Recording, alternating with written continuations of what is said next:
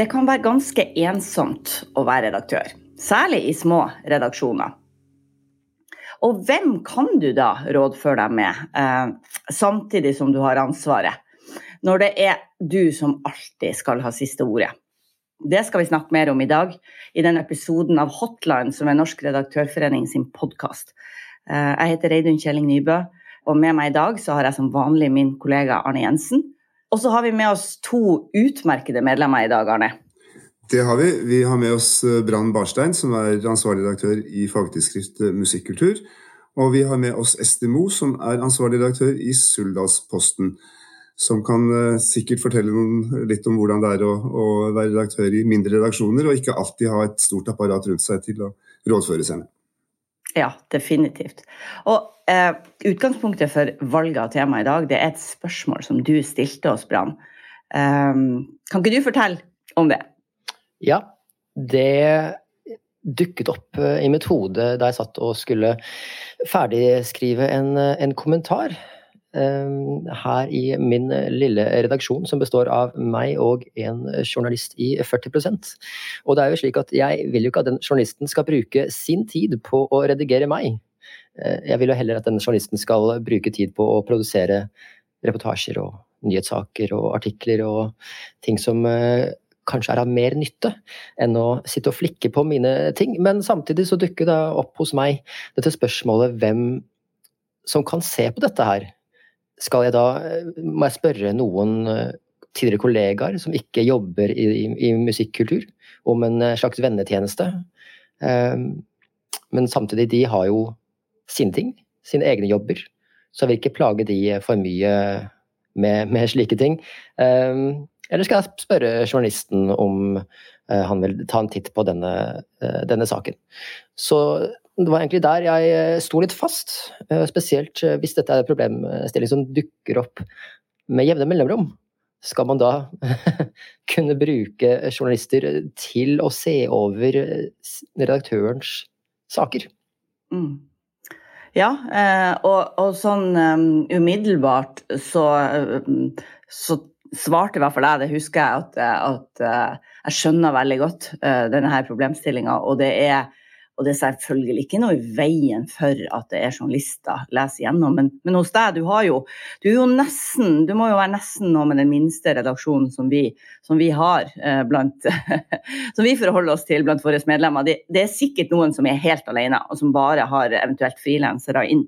Og Det minner meg jo om den der sketsjen oppe fra Finnmark, der det er en sånn lensmannsbetjent som snakker om ikke sant, alt det gale som skjer, og så sier han ja, men det var jo meg. det var bare Det var bare Alt skjedde, liksom, og det var bare den ene.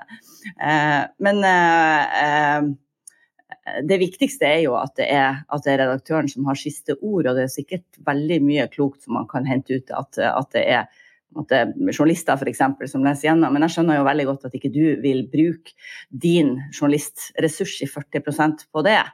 Eh, og da, det jo, da må man jo hente inn andre plasser. Og så er det noen eh, blindveier som kan være litt sånn vanskelig på, det. Eh, fordi det, det, er jo du som skal sitte og bestemme dette.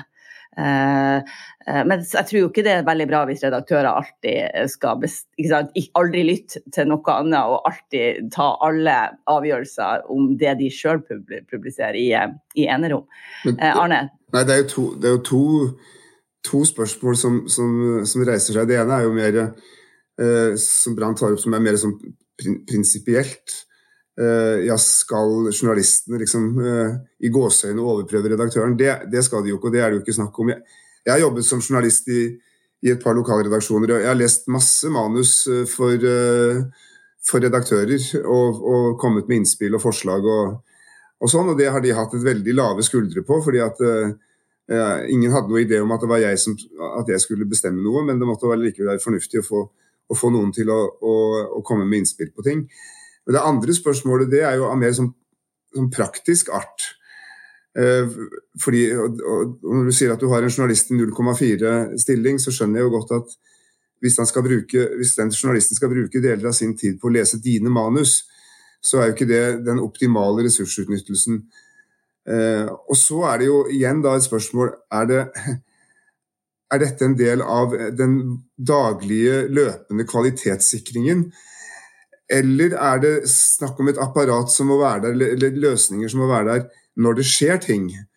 Som ikke handler om, om er, det, er det godt språk, eller eh, har jeg fått med alle relevante momenter osv. Men, eh, men liksom de mer etiske, eh, juridiske, prinsipielle spørsmålene hvor du trenger noen til å, å, se på det med et kritisk blikk for ikke å, å gjøre grove feil. Så det er litt ulike, er litt ulike problemstillinger som, som, er i den sekken, da. Mm. Ester, eh, hvordan løste du dette? Altså, vi er jo en uh, liten redaksjon, som du sier, en avis på 2004 ca. i opplag, og er tre stykker i redaksjonen, inklusiv meg. Uh, og det er jo en pågående problemstilling hele tida. Uh, nå hadde jeg nettopp sånn tre uker der jeg var alene. Alle andre var borte. Og, og da er det jo på denne komboen mellom at altså at man skal se at ting er ikke Altså plukke feil, f.eks. En så enkel ting som det. Sant? Eller bare få innspill. Men jeg syns jo at det vanskeligste er det med å ta de beslutningene i saker som åpenbart blir veldig vanskelig i et bitte lite samfunn. Fordi at eh, hos meg så er det sånn at når noe alvorlig skjer, vi snakker om f.eks.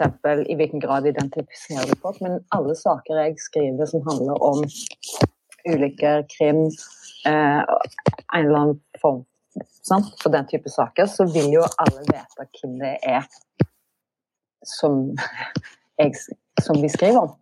Og da syns jeg at de der grenseoppgangene på hva er klokt og hva er etisk eh, å, å droppe og ta inn, hvor går de grenseoppgangene, er de vanskeligste. Det er der jeg har mest behov for å diskutere. Uh, og, og, få, og, da er det jo noe med at selvfølgelig har jeg siste ord, men jeg sitter jo ikke på hele vettet av den grunn. En del av dette handler jo om skjønn. Veldig stor grad handler om skjønn. Og at du må ta stilling. Og da er det veldig bra å prate, altså å ta en runde med noe. Ja, er det, er det de andre i redaksjonen du bruker da?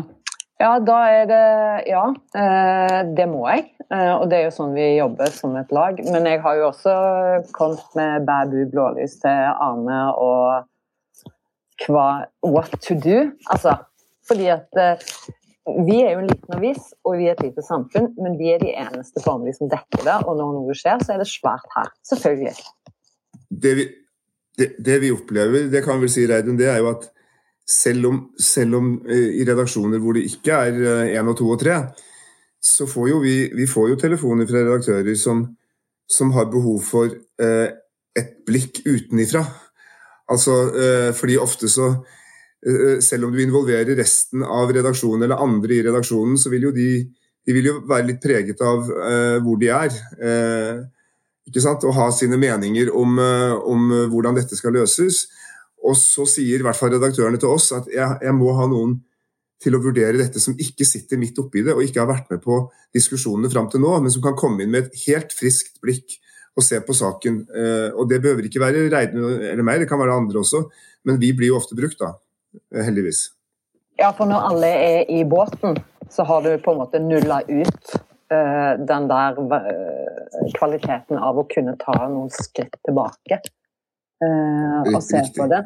Men, men jeg syns jo òg at uh, det spørsmålet Det berører jo på en måte Skal journalister lese redaktørers uh, Hva skal du si, da? Artikler eller kommentarer. veldig interessant, fordi det berører jo både det praktiske, som du sier, men òg det med spørsmålet om på en måte autoritet, da, eller rolle òg. Sant? For jeg oppfatter jo at Dubran er opptatt av altså tidsbruken i det her. Eh, men jeg tenker jo òg at du, du eh, varierer jo litt fint en redaksjon på den måten der. Jeg prøver å, å, å sjonglere det så godt jeg kan. Jeg har tidligere vært journalist og sett meg blind på, på, saker, som man gjerne gjør når man er dypt inne i en reportasje eller en, en lang feature. Og akkurat det forsvinner jo ikke helt når, i en sånn redaktørrolle heller. Så der måtte vi ha sittet med en, en sak over lengre tid som de, hvor det finjusteres og hakkes på ymse deler, og så plutselig har man mistet litt overblikket. Det er egentlig da jeg, da jeg merker at jeg kan ha behov for det ekstra blikket. Mm. Men hva om den journalisten hadde lest og sagt at her er du helt på dette syns jeg ikke funka i det hele tatt. Da måtte jeg hatt en god begrunnelse, da. Jeg måtte jo vite hvor, hva, akkurat hva det er som eh, gjør at det her ikke, ikke stemmer. Jeg forventer jo ikke at, at uh, alle journalister som jobber for eh, si, et kulturtidsskrift, har det si, juridisk kritiske blikket på alt. Men hvis det er åpenbare feil eller mangler som enhver leser kunne se, så er det jo utrolig fint å få den inputen før, eh, før jeg kjører ut noe uten at noen andre har sett på det. Mm. Skal, jeg, skal, jeg, være litt sånn, skal jeg ta på den andre hatten? For jeg har også vært redaktør i et par lokalaviser. Og det Så kan jeg høres, Nå kan jeg høres litt sånn kjekk og grei ut, men jeg mener jo stort sett at hvis du er trygg i, i rollen din i redaksjonen, så går det stort sett greit å la journalister få lese gjennom manus uten at det liksom svekker din egen autoritet. Men det som kan være lurt når du gjør det, tror jeg, det er å være litt presis i bestillingen. Eh, altså Jeg brukte politiske journalister i, i, Østlandsposten, leste gjennom lederartiklene mine av og til, men da fikk de beskjed om kan du, kan du, sjekke, kan du bare lese gjennom og se at dette er i samsvar med at det ikke er faktafeil her. Eh, altså Var det sånn prosessen foregikk?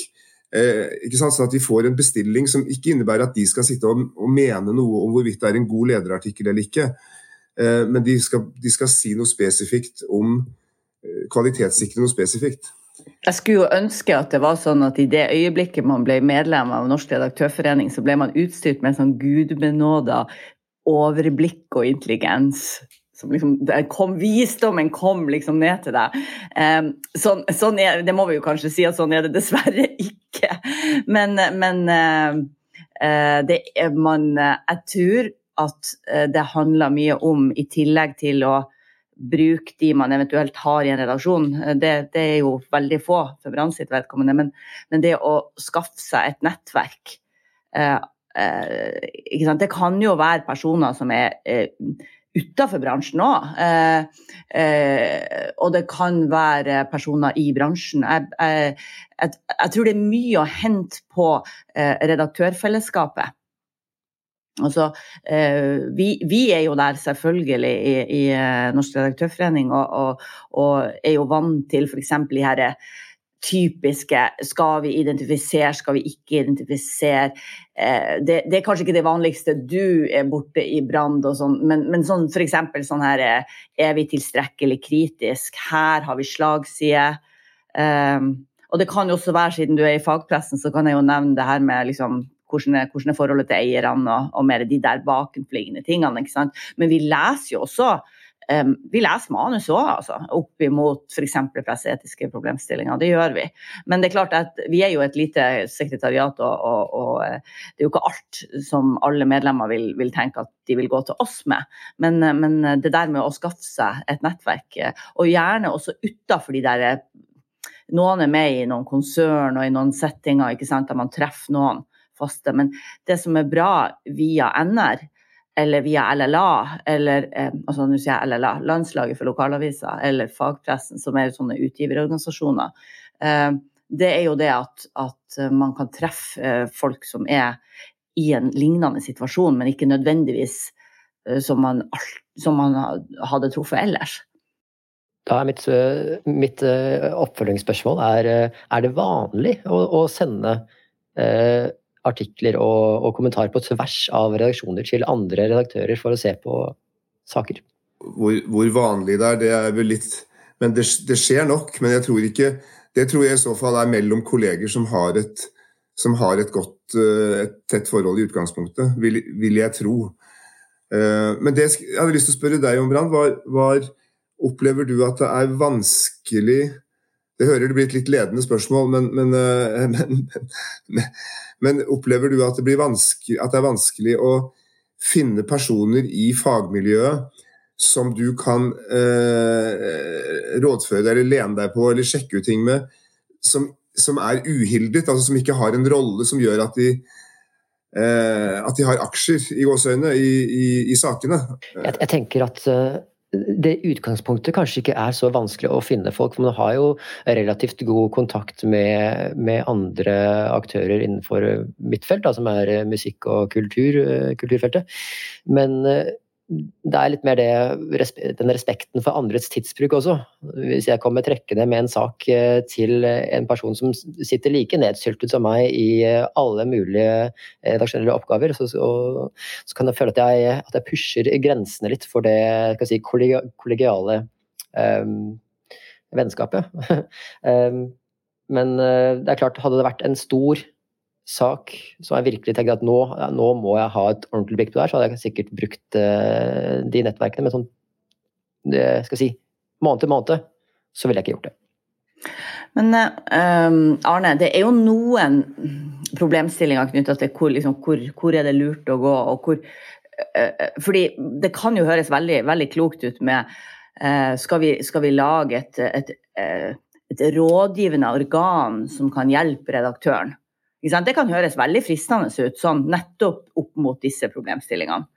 Eh, og hvorfor gjør det at du eh, det, det, blinker noen lamper hos oss, da, sant? Um, hvorfor, hvorfor, det? Jo, men, det har, jo, det har å gjøre med at et redaksjonsråd kan være vel og bra, men, men, eh, men det forutsetter en del ting, i hvert fall i mitt, i mitt hode, som må være på plass. Og, og, det må settes opp på en ordentlig måte. fordi vi har sett eksempler på redaksjonsråd som hvor jeg vil, vil si, uten å være spesielt uh, konspiratorisk, at uh, rådet har mer preg av å være et kontrollorgan for eierne, som skal passe på at ikke redaktøren gjør noe gærent uh, i deres øyne, heller enn å være et, et, faglig, et faglig, forum hvor redaktøren kan, kan, som redaktøren kan trekke veksler på. Da. Men det er klart, hvis du setter opp et redaksjonsråd som redaktøren selv velger hvordan han eller hun vil bruke. Eh, og hvor redaktøren selv får lov til å, å, å plukke ut hvem som skal sitte der. Så er jo et redaksjonsråd eh, en utmerket, kan det være en utmerket ordning. Men det må skje på redaktørens premisser. Fordi Hvis ikke så vil du lett eller du vil fort kunne komme i en situasjon hvor redaksjonsrådet oppleves litt som en slags overredaktør. Og da du, bryter du jo med noen prinsipper, selvfølgelig. Og så er det jo òg det, til det du sier, Arne, sånn at vi som kanskje har mest behov for den type innretning, vil alltid være sannsynlig i ganske små, tette samfunn der forholdet til eier og, og roller og hatter som er på rundt omkring, er mange. sant?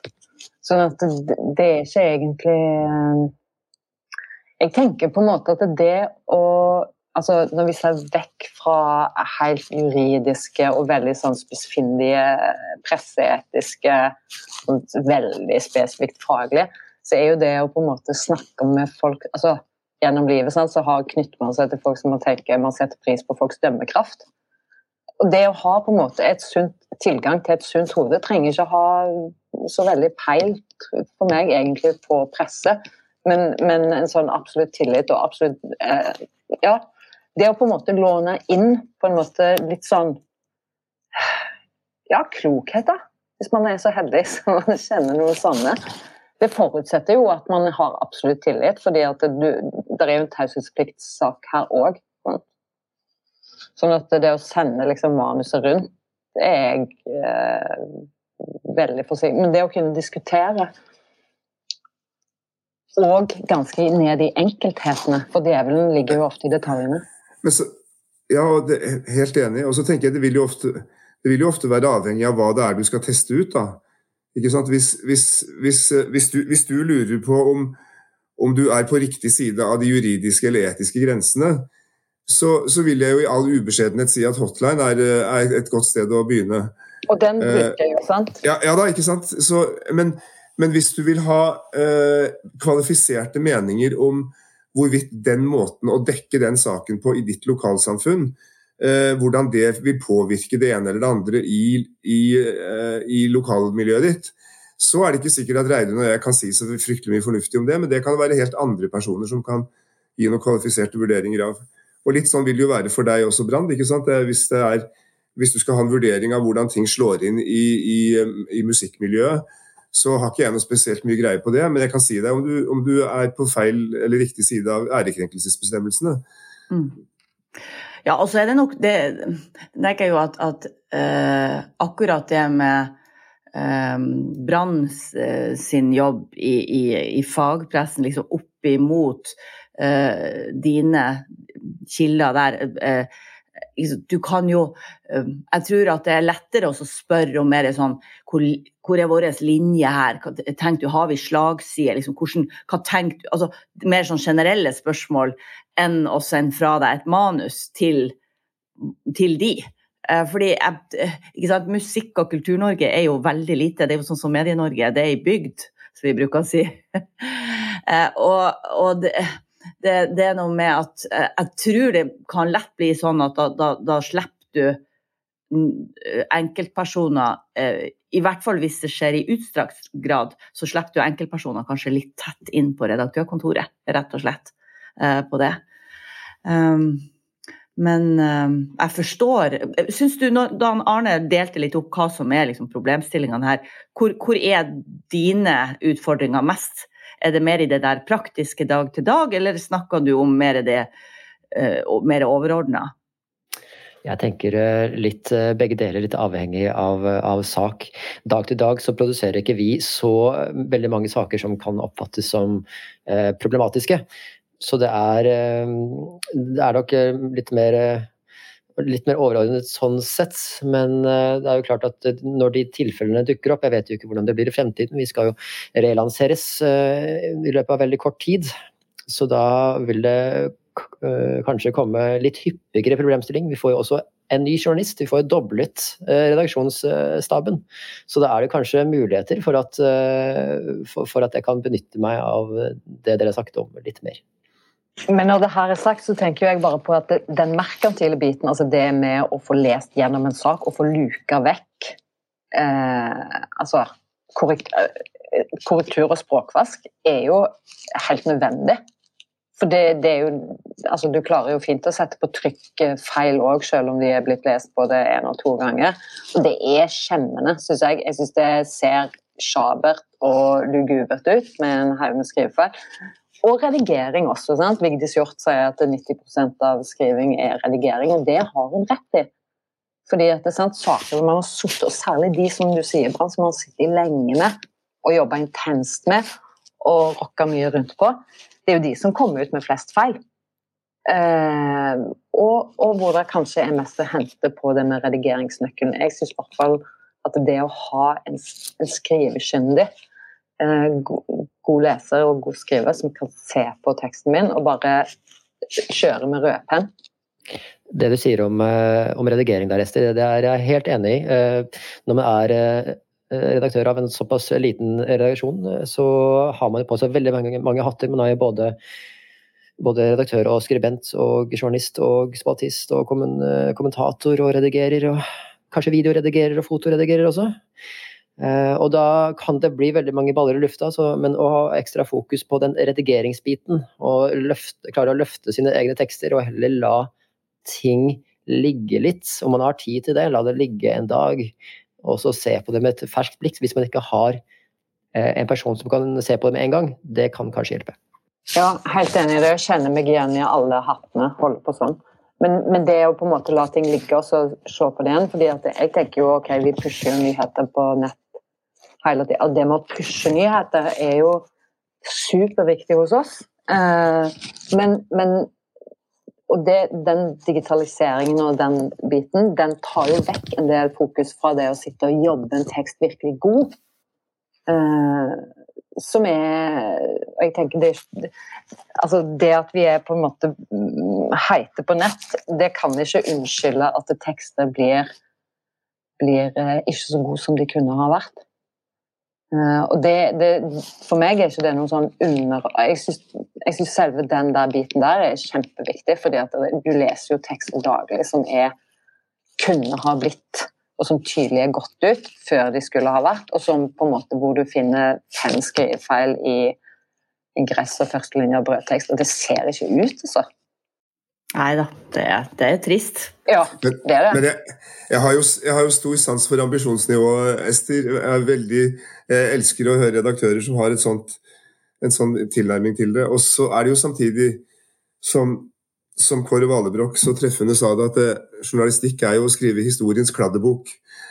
Eh, sånn at eh, alt Veldig mye av det vi gjør, blir jo kompromisser. Eh, det blir jo kompromisser mellom hvor mye tid du skal bruke på å kvalitetssikre hver eneste eh, detalj, og det å faktisk få ting produsert og publisert.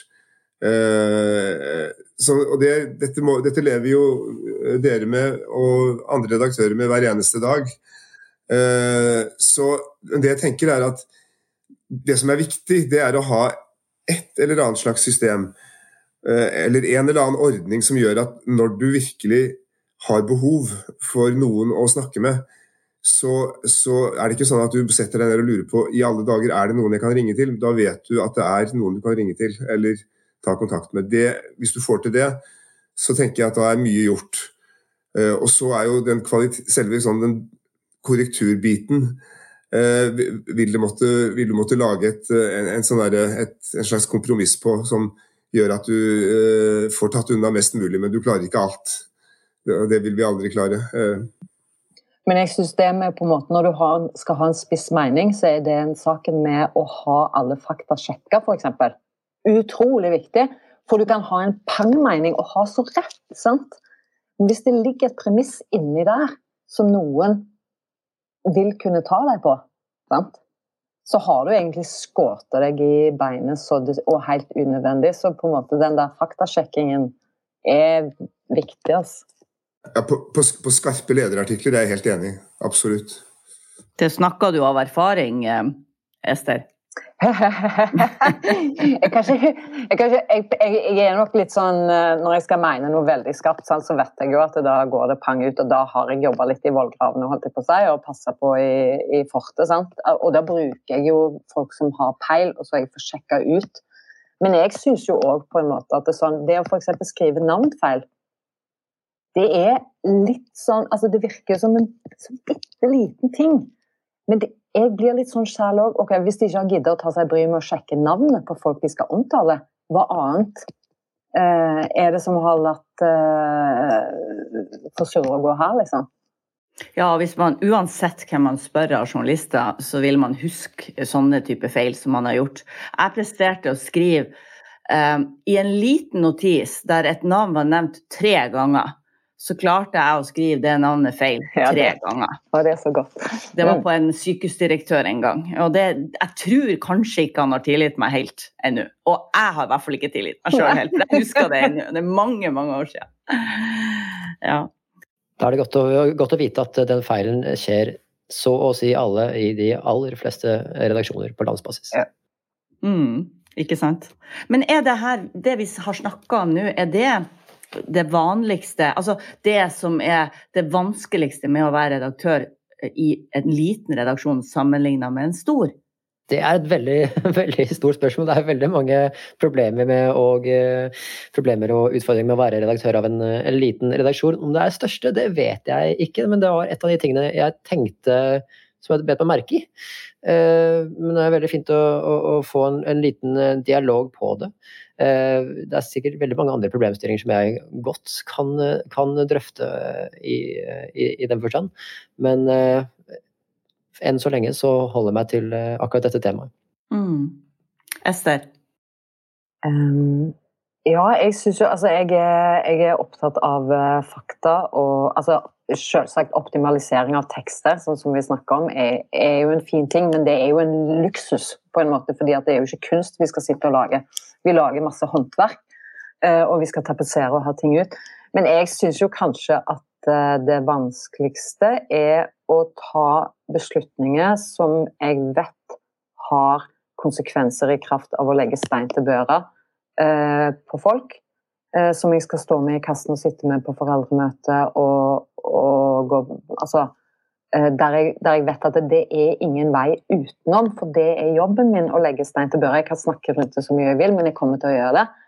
Eh, og, og, det å ta beslutningen på hvor den kanten går, eh, det er vanskelig. Mm. Det, det, skjønner jeg veldig godt.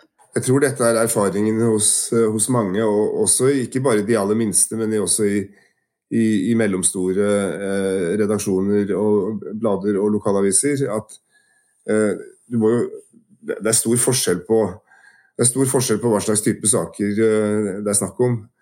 Og det Skal du gå ut og, og virkelig i gåseøynene ta noen på eh, lederplass, eller, eller, du skal komme med en sak som, er, som du vet vil være en, en, sterk belastning for de involverte, så er det klart at da eh, er det jo en helt annet behov for å være tørr på beina enn hvis det gjelder et, hvis du blingser litt i et, i et referat fra den siste eh, tredjedivisjonskampen.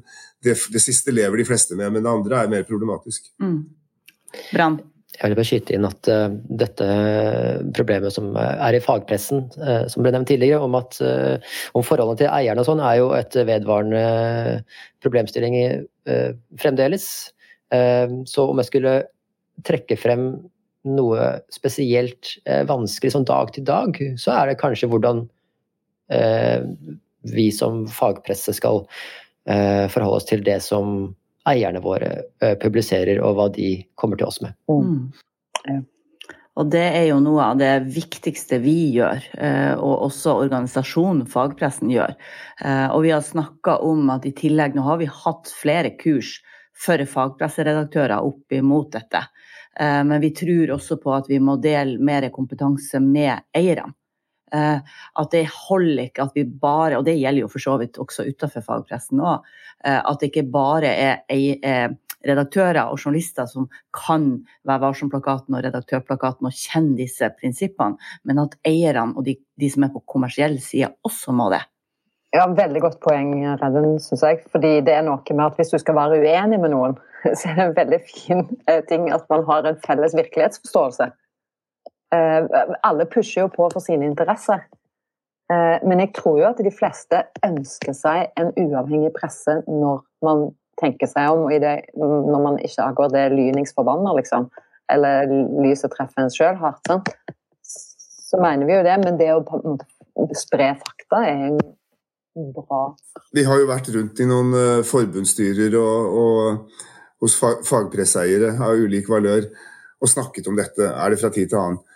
Eh, og det, som, og det, er klart at det som er utfordringen uh, i fagpressen, i motsetning til, uh, til dagspressen, da kaller det det, er jo at i dagspressen så er man medieeiere. Og det er det som er på en måte geskjeften, er å eie medier.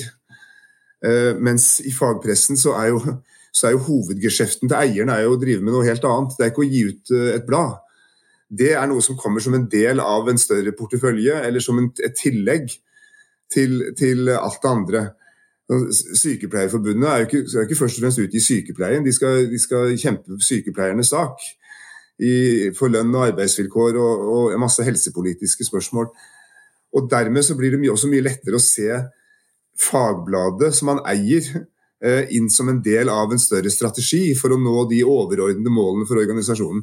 Og Dette er ikke noe vanskelig, og dette er jeg helt åpen på når jeg snakker til, til eierne og sier at dette er helt forståelig. Jeg skjønner jo det ikke vanskelig å forstå i det hele tatt. Men, men, dersom dere mener alvor med at dere vil ha et uavhengig blad som skal ha et kritisk blikk på egen bransje og egen organisasjon, så må dere gi slipp på noe av den kontrollen som dere ellers ville hatt. Uh, og er, Den sitter et stykke inne noen ganger, altså, men, men uh, noen har jo skjønt det.